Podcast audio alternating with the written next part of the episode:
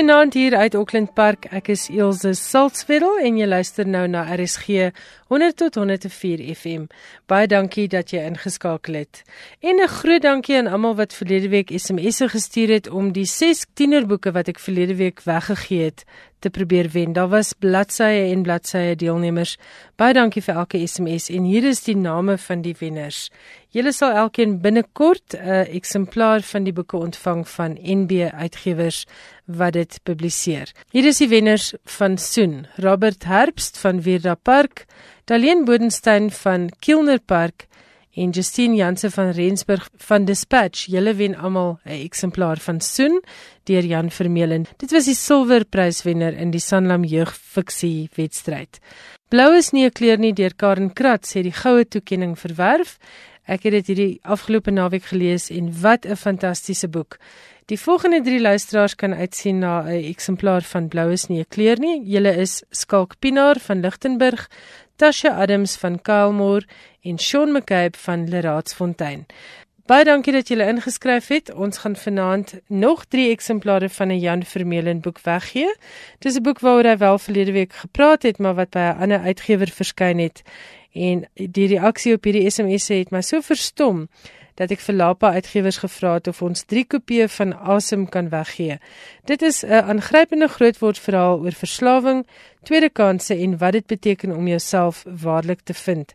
En as jy hierdie boek wat uitgegee word deur Lapa Uitgewers en R160 kos, as jy dit heeltemal verniet wil hê, stuur vir ons 'n SMS na 45770 met jou geboortedatum, jou naam en jou posadres en dalk staan jy 'n kans om asem deur Jan Vermeulen te wen. Bly ook ingeskakel as jy 'n ouma of 'n oupa of 'n ma of 'n pa van 'n kleuter is, want net 'n bietjie later gee ek 'n hele klompie kinderboeke ook van Lapa Uitgewers weg. Maar nou eers Wannie Karstens en ons gesels oor twee baie belangrike boeke in die Afrikaanse geskiedenis.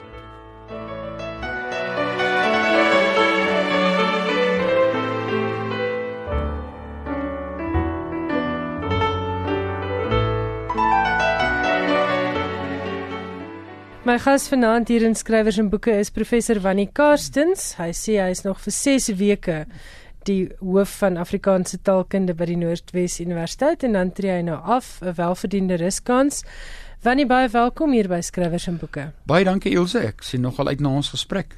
Ons gesels vanaand oor twee boeke spesifiek oor die storie van Afrikaans. Dit is nou jou boek wat verlede week bekend gestel is. Dit is 'n samewerking of 'n herskryf van professor Edith Wright se Die storie van Afrikaans. Nee, dis gebaseer op 'n boek van haar uit Afrikaans as 'n Europese verlede. Goed. So ons het hom herskryf en hy het uiteindelik die storie van Afrikaans geword. So dit is 'n uh, stukkie geskiedenis en dan al die nuwe goed wat jy daarbey kon toevoeg. Ja, die wonderlike ding is met met die storie van Afrikaans is ek het al die jare klas gegee en my my vakgebied was ook die Afrikaanse taalgeskiedenis.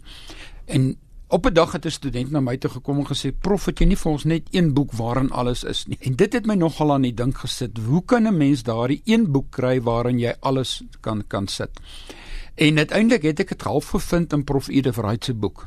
Nou haar boek het verskyn in 1991 en uh in sy derde uitgawe, die eerste keer in 78.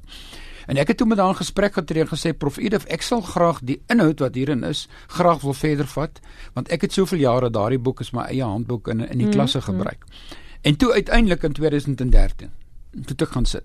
En dis nou 5 jaar later nou verskyn hy. Die boek, die Afrikaanse Europese verlede is gebruik as vertrekpunt en daarna het ek oor elke aspek diep en indringend gaan lees en navorsing gedoen en toe op die ouend bygesit wat ek dink is nodig. En wat vir my belangrik is in die samestelling van die storie van Afrikaans is juis dat ons Afrikaans van die begin tot waar ons nou is. Want dan vertel jy die storie van Afrikaans. Want haar boek het net gegaan oor Afrikaans in sy Europese verlede. Eindelik gaan ons 7000 jaar uh, terug in die verlede. Want ons hele storie is gekoppel aan die storie van Nederland. En dit is ons werklikheid. Toe het ons dit aangepak en ek het nog gehoop ek kan hierdie een boek alles bymekaar sit, maar toe ek uiteindelik die manuskrip klaar is en ek gee hom vir my uitgewer toe sê hulle hy's te dik. Hy sê nie in een boek pas nie. Ons sal twee boeke moet maak. Dit is waar uiteindelik toe besluit is om die storie van Afrikaans in twee dele uit te gee.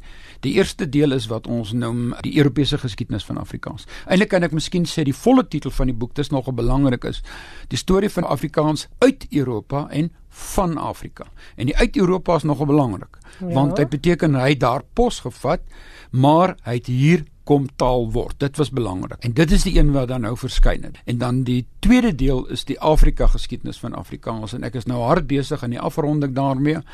En ek dink dit gaan nogal vir 'n klomp mense heel insiggewend wees. Hoekom sê jy so? Wie ek krap waar dit nie moet juk nie, Ilse. En dit is ongelukkig wat jy doen as jy 'n skrywer is. Ek is nou maar 'n akademikus, jy weet, in ook seker opsigte sê mense jy kan nie 'n skrywer wees nie, maar as akademikus kan jy ook skryf oor jou vakgebied, dit waarmee jy kennis doen. En ek het gaan kyk wat is dit presies wat maak dat soveel mense vandag kwaad is vir Afrikaanssprekendes? En vir die taal. Nou om dit te kan doen, moet jy gaan krap aan dinge wat mense nie wil hê ek moet hardop noem. Jy gaan kyk wat is apartheid? Wat het apartheid aan mense gedoen? Die impak op die leefwyse van soveel mense dat veral bruin mense en swart mense eenkant toe geskuif is. Afrikaans sprekende soos ek en jy.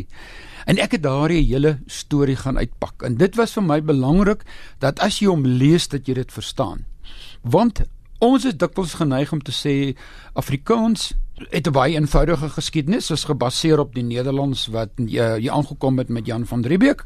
En toe daar 'n klompie dinge gebeur, die Engels het gekom, so die Engels het in die begin van die die 18de eeu gekom, 1895 en toe mettertyd het hulle maar beheer oor Suid-Afrika geneem en toe het apartheid gekom en toe 94 gekom en nou is almal kwaad vir Afrikaans. Nee. Dit is nie so nee. eenvoudig nie. Jy weet dit is nou 'n baie verkorte en simplistiese weergawe, maar dit is wat mense dikwels gedink het. En vir my was dit belangrik dat ek 'n slag teruggaan na die wortel. En my wortel veral in deel 1 was die eerste vraag om te vra wat is taal? Hoekom gebruik ons taal? Wat wil ons met taal maak? Want Afrikaanse storie is gekoppel aan die storie van taal. Hoe taal ontwikkel? Hoekom gebruik ons taal? En daarna het ek gekyk na dinge soos uh, gewoon hoeveel tale is daar in die wêreld? En op hierdie stadium aan die hand van die inligting tot ons beskikking is daar 7099 tale in die wêreld. En dit is gebaseer op die jongste statistiek wat ons het. Vir my was dit ook belangrik dat ons daai syfers het om dan te kyk hoe groot is Afrikaans dan? Waar val Afrikaans? Want as jy amper 7100 tale het en dan kyk jy na Afrikaanse besit, dan kom jy agter hy sal trend so 110de grootste. Dan begin jy dink. Dis nie 'n klein taaltjie nie. Dis nie 'n klein taaltjie nie. Dit was vir my belangrik dat mense hierdie gegevens begryp dat Afrikaans ook 'n belangrike plek het, dat hy 'n stewige geskiedenis het ongeag wat met hom geassosieer word, het hy 'n lang pad geloop en hy is een van die 120 grootste tale in die wêreld. Dit maak Afrikaans beduidend. Daarna het ek hele proses uitgepak van hoe het ons die taalkundige studie aangepak want dit is ook belangrik. Wat is jou vertrekpunte? En dan natuurlik dan die fases. Jy weet die hmm. fases van Oud-Nederlands, Middel-Nederlands, Nieuw-Nederlands en dan uiteindelik moderne Nederlands en natuurlik dan die hele vraag van wat het gebeur? Hoe het Nederlands dan uiteindelik Afrikaans geword? En daai deel is baie interessant. Dit want dit is, het hier aan die Kaap gebeur. Dit het hier aan die Kaap gebeur. En en en en ek weet nou Ilse, ek krap nou so 'n bietjie ook weer waar sommige mense sê jy's nie heeltemal reg nie. Ek dink ek is heeltemal reg want as akademikus het ek diep gaan kyk. En ons is soms geneig om die invloed van Nederlands op Afrikaans te vergeet. Mm -hmm. Maar dit is nie simplisties dat dit net Jan van Riebeeck se Hollands is wat hier gekom het nie. Mm -hmm. Daar is soveel forme van die Hollands van daardie tyd wat gekom het. Daar is soveel van die Khoi wat hier was. Daar's soveel Europese nedersetters, daar's soveel slawe. Mense wat almal hierheen gekom het en vir die eerste 150 jaar het hulle met die hulp van daardie wordende Nederlands, daai daai taal wat gepraat is, het hulle met mekaar probeer kommunikeer en toe daar 'n nuwe taal tot stand gekom. Dit is wat ons vandag Afrikaans noem. Hmm. Maar daai Afrikaans is nie meer Nederlands nie, dis Afrikaans. Ja, want 'n ware Nederlander sukkel met party Afrikaanse begrippe. Absoluut. Ek bedoel as 'n mens nou in Nederland gaan besoek of lê en ek gaan nou binnekort weer vir 'n paar maande, dan moet ek ook maar my spraaktempo aanpas en ek moet seker maak dat ek sekere woorde nie gebruik hmm. nie. Ek weet 'n mens moet gewoon maar versigtig wees. Maar vir my was dit belangrik dat ons uiteindelik hierdie Nederlandse verlede, hierdie Europese verlede van Afrikaans goed begryp. En ons moet ook begryp watter keuses die mense langs die pad gemaak het dat ons uiteindelik gekom het tot die punt dat van Riebeeck in Desember 1651 Kaap toe gekom het. Hmm. Nou dit was die hele inhoud van deel 1. Dit is waarmee ek klaar is. Wat ek nogal opgewonde is oor 'n besondere hoofstuk en ek hoop mense ervaar dit ook so. En ek het dit by my studente agtergekom as ek praat van Nederland en Nederlands dan kry ek so dowwe uitdrukking in die oë. Asof dit iets wat ver, ver gebeur het. En vir my was dit belangrik om te sê maar wat is Nederland vandag? Ons het hierdie verlede met Nederlands, maar hoe lyk Nederland vandag? Wat doen die Nederlanders? Dat ons hulle ook begryp. Hmm. Want ons kan nie die Nederlandse verbintenis met die verlede van Afrikaans ignoreer nie. Nou, hierdie benadering wat ek gevolg is 'n sogenaamde sosio-historiese benadering. Mm. Ek neem dus in ag hoe die mense in die verlede gelewe het, die keuses wat hulle gemaak het en dan uiteindelik wat die gevolge daarvan was. Maar wat vir my persoonlik baie belangrik is, ek sien uit na die tweede deel, die deel van Afrikaans in Afrika. Want ja. eintlik is Afrikaans en sy Afrika wortels die kan ek maar sê die warm onderwerp op die oomblik. Dit is die warm onderwerp op die oomblik, maar nou ja, soos tipies akademikus begin jy op 'n punt en jy werk om deur. So deel 1 skets die agtergrond, deel 2 is die een waarna ek nou werk en Daar daar gaan 'n hele klompie dinge na vore kom. Jy weet, ons gaan kyk na die 17de eeu, hoe die mense hier gelewe, hoe die ander Europese nedersetts, soos die Franse en die Duitse gekom, hoe het hulle probeer om hier aan die lewe te bly? Hoekom het daar slawe gekom? Wat is die impak van die slawe? Jy weet, daar's mense wat sê as die Engelse 50 jaar vroeër gekom het, want hulle het eers in 1795 gekom, as hulle in 1750 gekom het, dan het ons miskien nou almal Engels gepraat. Maar teen 150 jaar na die mense gekom het, was Afrikaans gevestig. En toe ons die hele tydperk gehad van die Engelse wat die impak gehad het en na 1806 was Engels altyd met ons tot vandag toe nog. So ons het daardie stuk geskiedenis. En ek probeer kyk juis weens die koms van die Engelse het die Nederlanders of die nedersetters wat toe nie meer nedersetters was nie wat gewoon mense was wat hier gebly het, het hulle self Afrikaners genoem, met ander woorde mense wat in Afrika gebore is, nie die term wat ons vandag daarmee het nie. En hulle het hier kom bly en hulle het hierdie konflik met die Engelse gehad. En die Engelse het gekom en daar was oorlog geweest, die Anglo-Boereoorlog, maar vir my was dit belangrik dat hierdie agtergrond begryp word. Want andersins weet ons nie hoekom mense vandag vir ons kwaad is nie. Mm, mm. So jy moet daardie stuk geskiedenis begryp. Nou soos jy kan dink is daar enorme klomp inligting wat ek moes uh, verwerk en dan moes ek maar 'n seleksie maak. En ek hoop op die ouend as die mense dit lees, is dit iets wat hulle graag sou wou sien en dat hulle dan Afrikaans beter verstaan. En sy verskillende sprekers. En sy verskillende sprekers, maar wie wie Ilse daar's vandag enorm druk op Afrikaans, veral in terme van die politiek on en ek dokumenteer die proses sedert 1994 baie fyn. Dis nogal hartseer om dit te sien. As jy net Afrikaans by universiteite feitelik verdwyn en ek weet as taalkundige wat die impak daarvan is en ek probeer dit in die boek uitspel. Want dit eintlik is dit waarop mense boeke skryf. Jy skryf boeke om mense in te lig sodat mense meer kennis het sodat hulle daai kennis kan gebruik is nou 'n klompie populêre boeke wat die afgelope tyd geskryf is oor ons regering byvoorbeeld. Mm. En die mense lees dit sodat hulle gewoon beter kan verstaan.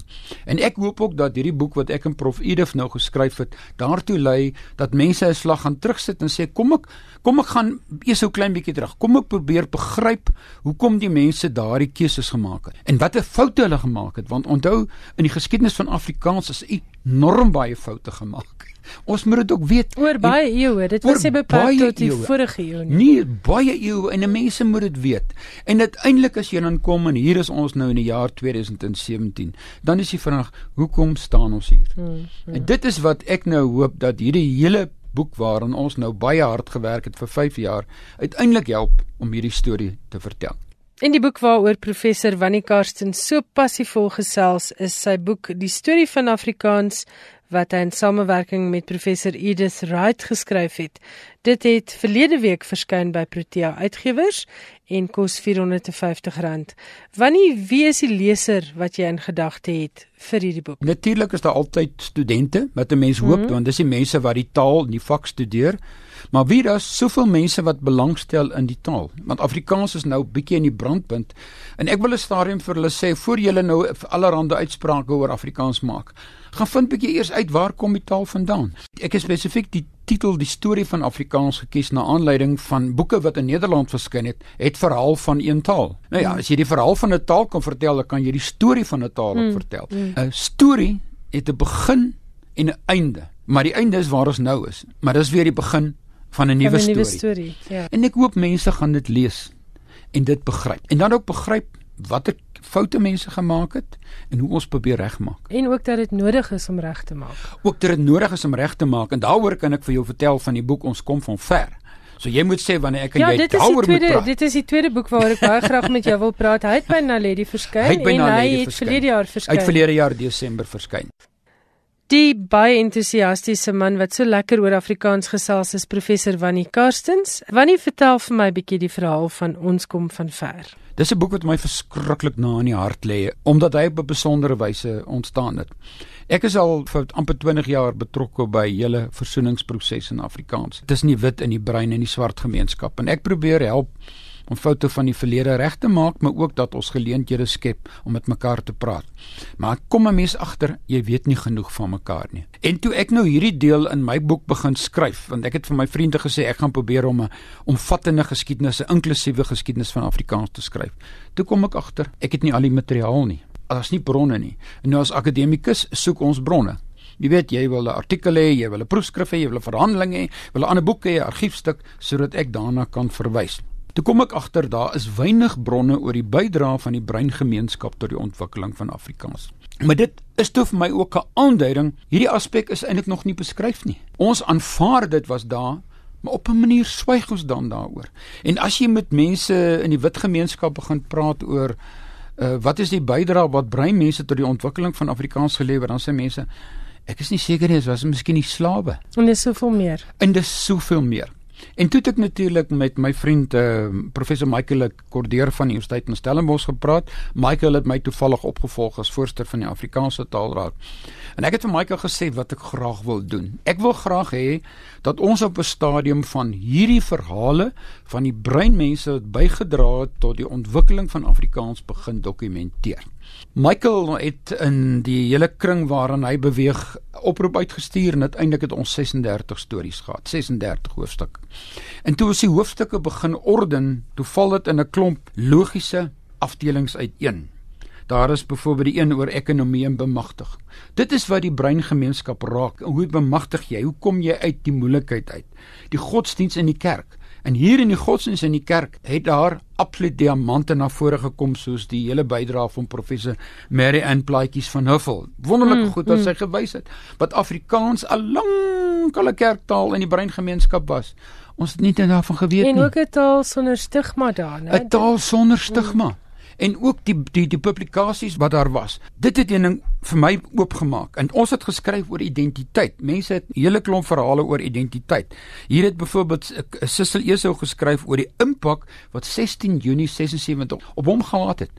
Dit is 'n roerende stuk hoe dit sy totale menswees geraak. Daar is die verhale van byvoorbeeld uh, Dr. Cornelius Thomas wat 'n hoofstuk geskryf het oor die hoofletter K kleerling. 'n besondere Suid-Afrikaanse geskiedenis waarin die term kleerling bekyk word. Wat belangrik is, ons begin praat oor terme wat ons vroeër amper bang was om te noem. Ons praat ons uh, hoofstukke gehad oor die impak van apartheid. Michael het geskryf oor sy eie ervaring, sport en kultuur.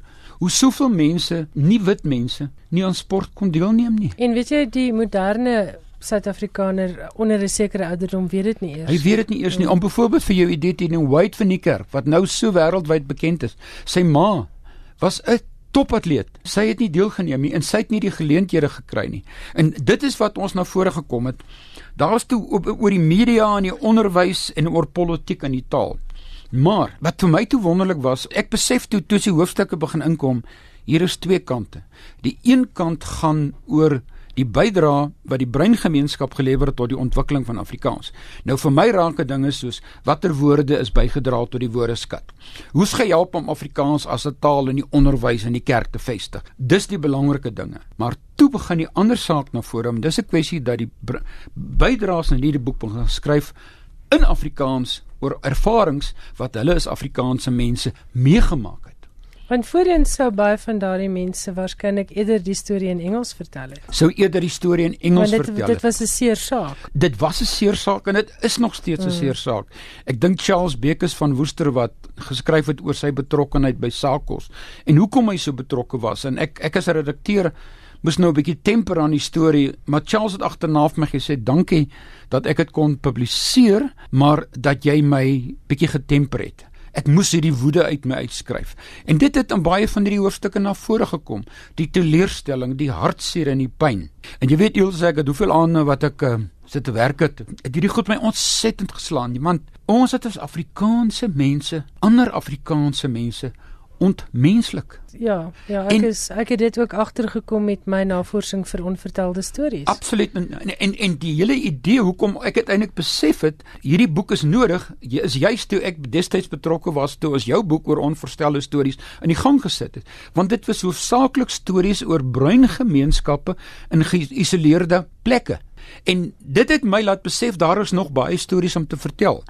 En hier in ons kom van ver wat opgedra is van professor Adam Small het ons spesifiek 36 van daai stories gaan vat. En dit is nou geskryf. Maar ek wil eintlik sê dat ek elke wit luisteraar vra, koop hierdie boek en lees hom. En, en dis nie 'n politieke versoek nie. Dit, dit is dit gewone versoek wat ons land kan help met hierdie broodnodige ding van mekaar verstaan. Jy weet Ilse, ek uh, jy, dit is 100% reg. Ons verstaan mekaar nie genoeg nie. Ons het so geleentheid gehad op Wellington waar my neef was. Ek het vir hom gesê kom luister asseblief. En na die tyd na die mense gepraat het wat almal deelgeneem het, tot hy vir my kom sê, "Sjoe, ek het nie al hierdie goed geweet nie." En weet julle, dit het 'n refrein geword by baie van hierdie bekendstellingsgeleenthede.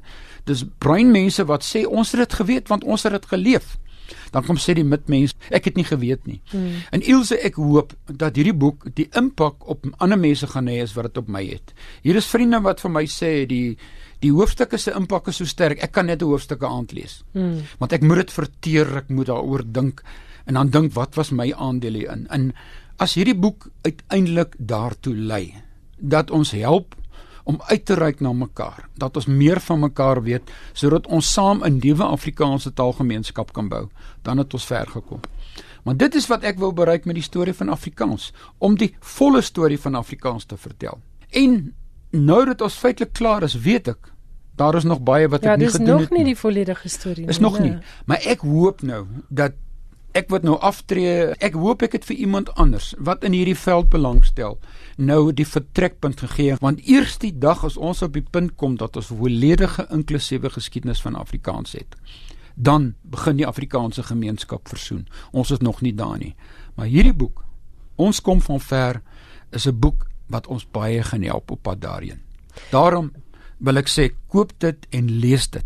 En ek wil ook sê dit's nie 'n aanklag teen Afrikaanse mense dat hulle nie geweet het nie, want die nee. stelsel het gesorg dat mense nie van mekaar geweet nee. het nie en dat die media nie kon skryf so vrylik en so openlik soos wat hy nou skryf. Absoluut. Jy weet Ilse, ek kom in 1989 op 'n stadium as ek vir 5 maande in Amerika en ek kyk op televisie en skielik sien ek goed wat in Suid-Afrika gebeur wat ek nie geweet het nie. Dis mm. nie op ons televisie nie. En dis die hele idee. Ons is half geïsoleerd gehou. Ons het nie geweet nie. Ons is nie donker gehou. Ons is donker, maar miskien net wit mense gewoon in 'n gemaksone verval. Want dit was wat jy gewoond was. En wat ons kom van ver doen is om 'n bietjie slag bietjie daai gemaksone te skud. En ek hoop daar kom nog boeke dat ons dit doen. Dat ons kyk na daardie groot pyn wat wat in die verlede tussen Afrikaanse mense bestaan het en dat ons daardie pyn 'n slag gaan verwerk. Al is dit om te luister na mekaar, deur oor mekaar te lees. My gas vanaand in skrywers en boeke was professor Wannie Karstens van die Noordwes Universiteit. Hy was medeskrywer van Ons kom van ver, die boek waaroor ons sopas gepraat het saam met professor Michael Lekordeur. En hierdie boek, soos hy sê, 'n baie belangrike versoeningsboek, kos R250 en word uitgegee deur Naledi. Die boek waaroor Wannie in die eerste helfte van die program gesels het, se naam is Die storie van Afrikaans. Dit het hy geskryf saam met professor Edith Wright. Dit verskyn by Protea en kos R450. Ons skop af met die Babalela storieboek. Nou, dit begin so en ek dink duisende kleuters reg oor die land se oortjies gaan nou outomaties spits as hulle hierdie woorde hoor. Diep diep in 'n donker bos waar die son net soms deur die takke loer. Diep diep in 'n donker bos waar die varings welig diep groen staan. Diep diep in 'n donker bos in 'n holboomstomp net onder 'n blaar woon die Babalela. En so begin Martie Preller se eerste Babalela storieboek. Dit is intussen opgevolg deur 'n klomp bekronings. 85000 eksemplare is reeds van die vier verskillende Babalela titels verkoop. Daar was 'n Babalela verhoogstuk en danksy 'n Babalela pop, Babalela T-hemde en 'n CD het hierdie pers bosbewonertjie diep in kinderharte gekruip. As jy hierdie boek vir jou kleuter kry, gaan jy ook kennis maak met meermoskat, knortand, potifant, wrimpie en die lewaaierige fripperwakkies. Hulle woon almal saam met Babalela in die donkerbos. Daar is 4 Babalela boeke wat nou saam in een storie omnibus vervat is. Die 4 stories is Babalela, dit is die oorspronklike verhaal. Dit het so rondom, ek dink so rondom 2005 uitgekom as ek nou reg onthou. Dan is daar Diep Diep in 'n donker bos. Dit was die tweede boek. Later het Los ons uit verskyn en ook Ons kan. So as jy 'n aanmerking wil kom vir 'n Babalela boek gratis hier op skrywers en boeke, stuur 'n SMS na 45770. Merk dit baie duidelik kleuterboeke en dan weet ek dit is nie vir die tienerboeke wat ons vroeër in die program weggegee het nie. So kleuterboeke of kinderboeke jou posadres en natuurlik 'n poskode. Dis nogal belangrik want Lapa Uitgewers gaan sorg dat hierdie boeke julle voor Kersfees bereik. Jy kan een van 3 eksemplare van die Babalela storieboek wen. Dis 'n boek wat normaalweg vir R200 verkoop en dit bestaan uit 136 bladsye. Dan is daar ook 3 boeke op die spel deur Betty Mishiker. Julle gaan die titels onthou want dit is gebaseer op baie gewilde kinderliedjies. Die eerste een is Die Dapper Muis, die tweede een is Die Eensame Krokodil en die derde een is Die Lapop. Nou natuurlik sal jy onthou Die Lapop is die enetjie wat op die ashoop weggegooi is. Sy was gedaan en stikkend, verbleek en nie meer mooi nie en op die ashoop het sy stemme hoor praat. Nou ons almal het groot geword met Betty se liedjies. Ons het net nooit geweet sy het dit geskryf nie. Sy is op 7 Junie 1919 in Pretoria gebore. Sy is uh eers ja, sy is 2 jaar gelede eers oorlede. Nadat Betty tydskrifverhale en 'n versameling memoirs gepubliseer het, het sy die eerste keer haar hand aan kinderliedjies gewaag en haar eerste kinderliedjies was so suksesvol dat die SAIK haar gevra het om kinderliedjies spesiaal vir hulle stasies te skryf. En so het die eensame krokodil, die lapop en die dapper muis dan ontstaan. Nou Lapa Uitgewers het al hierdie verhale in aparte titels geboekstaaf as pragtige kinderstories, regtig mooi geïllustreer ook. Ons gee vanaand 3 eksemplare weg van die lapop, nog 3 van die eensame krokodil en 3 van die dapper muis. Dit is alles uit die pen van Betty Mishiker. Verskillende illustreerders, elke boek verkoop vir R80. Stuur 'n SMS na 45770 met kleuterboek of kinderboek en jou volledige posadres en staan 'n kans om een van hierdie boeke te wen. Ons sê baie dankie vir Lapa Uitgewers vir die pryse. Ondersteun hulle gerus. Hulle is ook die enigste uitgewery in die land waar jy op die webwerf kan bestel. Klik op www.lapa.co.za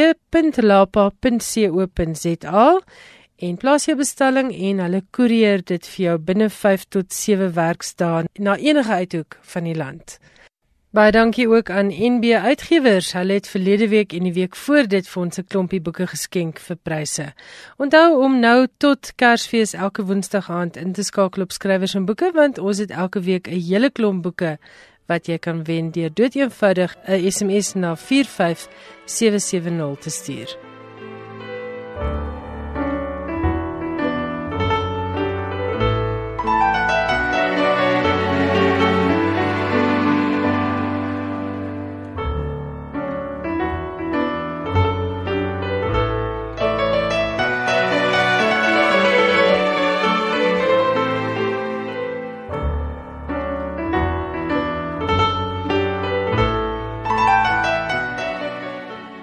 As jy sopas ingeskakel het, hierdie is die laaste paar minute van skrywers en boeke en hier is Johan Meiburg met sy bydrae oor die internasionale letterkunde. Geniet dit.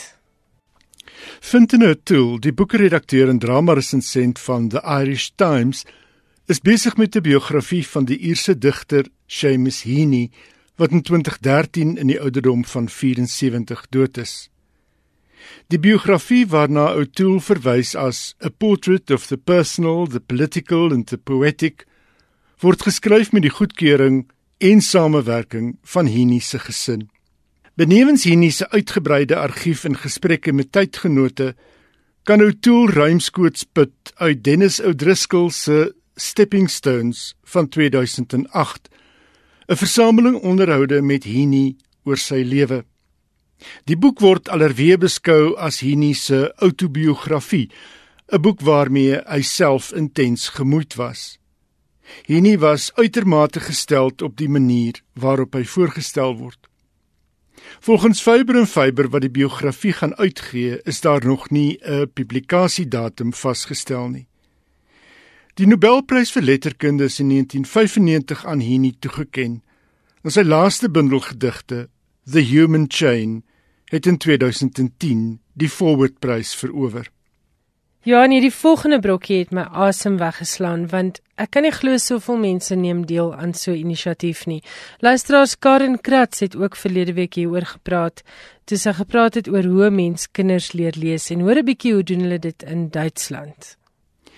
Meer as 173 000 mense het Vrydag in Duitsland deelgeneem aan die nasionale Hardop Leesdag wat ten doel het om kinders opgewonde te maak oor lees en wat leesvaardighede wil bevorder.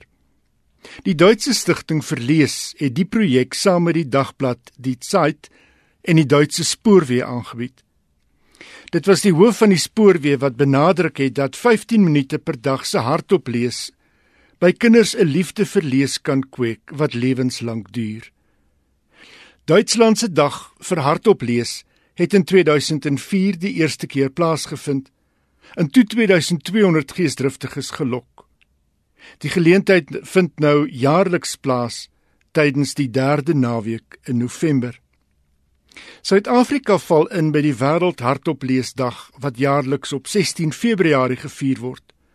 Daar's dus nog genoeg tyd om betrokke te raak by volgende jaar se aksie of om op eie stoom 'n hardop lees sessie of beter nog sessies te beplan. So luisteraars maak 'n knoop in die oor, dit is die 16de Februarie, dan doen ons nasionale hardop leesdag. Ons gaan weer daaroor praat en julle moet vir ons laat weet wat beplan julle vir daardie dag. En Johan, jy het nou vir ons nuus oor nog 'n groot Amerikaanse boektoekenning. Die 68ste Amerikaanse National Book Awards is onlangs toegeken. Die wenner in die fiksie kategorie is Jasmine Ward se Sing Unburied Sing En in die kategorie vir nuwe fiksie het Marsha Gessen geseëvier met The Future is History: How Totalitarianism Reclaimed Russia. Die poesieprys is gewen deur Frank Biddard vir sy Half-Light Collected Poems 1965 to 2016. En die prys vir jeuglektuur is toegekend aan Robin Benway vir Far from the Tree. Gesog soos die pryse is, strook dit nie noodwendig met die inskrywings op die lyste van topverkopers in die FSA nie. Die word steeds gehou deur die formule rillers van John Grisham en Dan Brown. Meer as 340 000 nuwe titels word jaarliks in die FSA gepubliseer. Dis nietemin minder as wat in China gepubliseer word. Die National Book Award het nie dieselfde literêre gewig as die Man Booker of die Pulitzerprys nie. Maar tog het die pryse 'n prestige en 'n reputasie van sy eie. Vorige wenners sluit in Saul Bellow, Ralph Ellison en Rachel Carson. En dan sluit jy af met 'n roman wat ek dink 'n bietjie polemiek gaan veroorsaak. Kom ons hoor. Peter Carey, Australiese skrywer van onder meer Oscar en Lucinda van 1988 True History of the Kelly Gang van 2000, die romans waarvoor hy twee keer die Man Booker Prys gekry het, asook Amnesia van 2014, sy jongste roman A Long Way from Home het pas verskyn. Volgens 'n onderhoud in The Guardian is die roman Carey se eerste poging om sin te maak van die nalatenskap van kolonialisme in Australië, onder meer volksmoord, slawerny, verkrachting en die sogenaamde verlore geslag. Alles goed waaroor hy nog altyd geswyg het. En goed waaroor hy nie geweet het hoe om te skryf nie. Maar sê hy, nou het hy die manier gekry. Met Lionel Shriver se rede oor kulturele appropriasie verlede jaar op die Brisbane Skrywersfees nog vars in die agterkop, het Kerry in die onderhoud met die deur in die huis geval en gesê: "Dis my werk om geleenthede kreatief uit te buit. Dis ook my werk om my te verbeel hoe dit moet wees om die ander te wees." En dit is boonop my taak om dit so te doen dat ek nie 'n bespotting, nou Kerry het 'n sterker woord gebruik, van myself maak nie. A Long Way From Home speel af in die 1950s in die dorpie Bacchus Marsh, die dorp waar Kerry woon. Dis die verhaal van Irene Bobs, haar motorverkoper man en hulle twee kinders wat pas ingetrek het langs Willie Bachbuber, voormalige onderwyser met 'n nare humeur wat sy kindertoela wat hy moet betaal probeer ontduik. Die drie skryf in vir die Redex Round Australia Reliability Trial. 'n Uithou rit om die betroubaarheid van motors te toets in die Australiese Grammadulas. Die uithou ren het wel bestaan en Kerry se ouers was ook handelaars vir General Motors. Maar die res van die storie gaan 'n mens dan nie vertel nie. Dis wel in die konteks van die gegewe dat die inheemse mense van die vasteland die geskiedenis en die onreg in die prentjie kom. Peter Carey se A Long Way From Home word uitgegee deur Penguin Random House. Hier lees Peter Carey nou die eerste paar paragrawe van sy boek waarmee hy die tweede Man Booker Prys gewen het, True History of the Kelly Gang van 2000. I lost my own father at 12 year of age and know what it is to be raised on lies and silence as my dear daughter you are presently too young to understand a word I write but this history is for you and will contain no single lie may I burn in hell if I speak false God willing, I shall live to see you read these words, to witness your astonishment and see your dark eyes widen and your jaw drop when you finally comprehend the injustice we poor Irish suffered in this present age. How queer and foreign it must seem to you, and all the coarse words and cruelty which I now relate are far away in ancient time. Your grandpa was a quiet and secret man. He had been ripped from his home in Tipperary and transported to the prisons of Van Diemen's Land. I do not know what was done to him. He never spoke of it. When they had finished with their tortures, they set him free, and he crossed the sea to the colony of Victoria. He was by this time 30 year of age, red headed and freckled, with his eyes always slitted against the sun. My da had sworn an oath to evermore avoid the attentions of the law. So when he saw the streets of Melbourne was crawling with policemen worse than flies, he work, walked 28 miles to the township of Donnybrook. And then, or soon thereafter, he seen my mother. Ellen Quinn were 18 year old. She were dark haired and slender, the prettiest figure on a horse he ever saw. But your grandma was like a snare laid out by God for Red Kelly. She were a Quinn, and the police would never leave the Quinns alone. Dit was die stem van Pieter Kerry en hy het voorgeles uit sy roman True History of the Kelly Gang. Hierdie was skrywers en boeke baie dankie dat jy vanaand saam geluister het. Die SMS nommer net weer 45770. As jy vir Oula se SMS wil stuur om 'n aanmerking te kom vir een van Lapa se wonderlike kinderboekpryse. My e-posadres is skrywersenboeke@rsg.co.za. En volgende week gesels ek met professor Helena De Plooy oor haar lieflike bundel Gespreksgenoot en dit is briewe tussen professor Elise Botha en ongeveer 40 van Afrikaans se grootste skrywers. Regtig 'n fantastiese versameling en nie net vir letterkundiges nie, ook sommer vir ons gewone lesers wat meer oor ons gunsteling skrywers wil weet. Tot volgende week dan, geniet wat ook al jy te lees het en bly ingeskakel op RSG. Totsiens.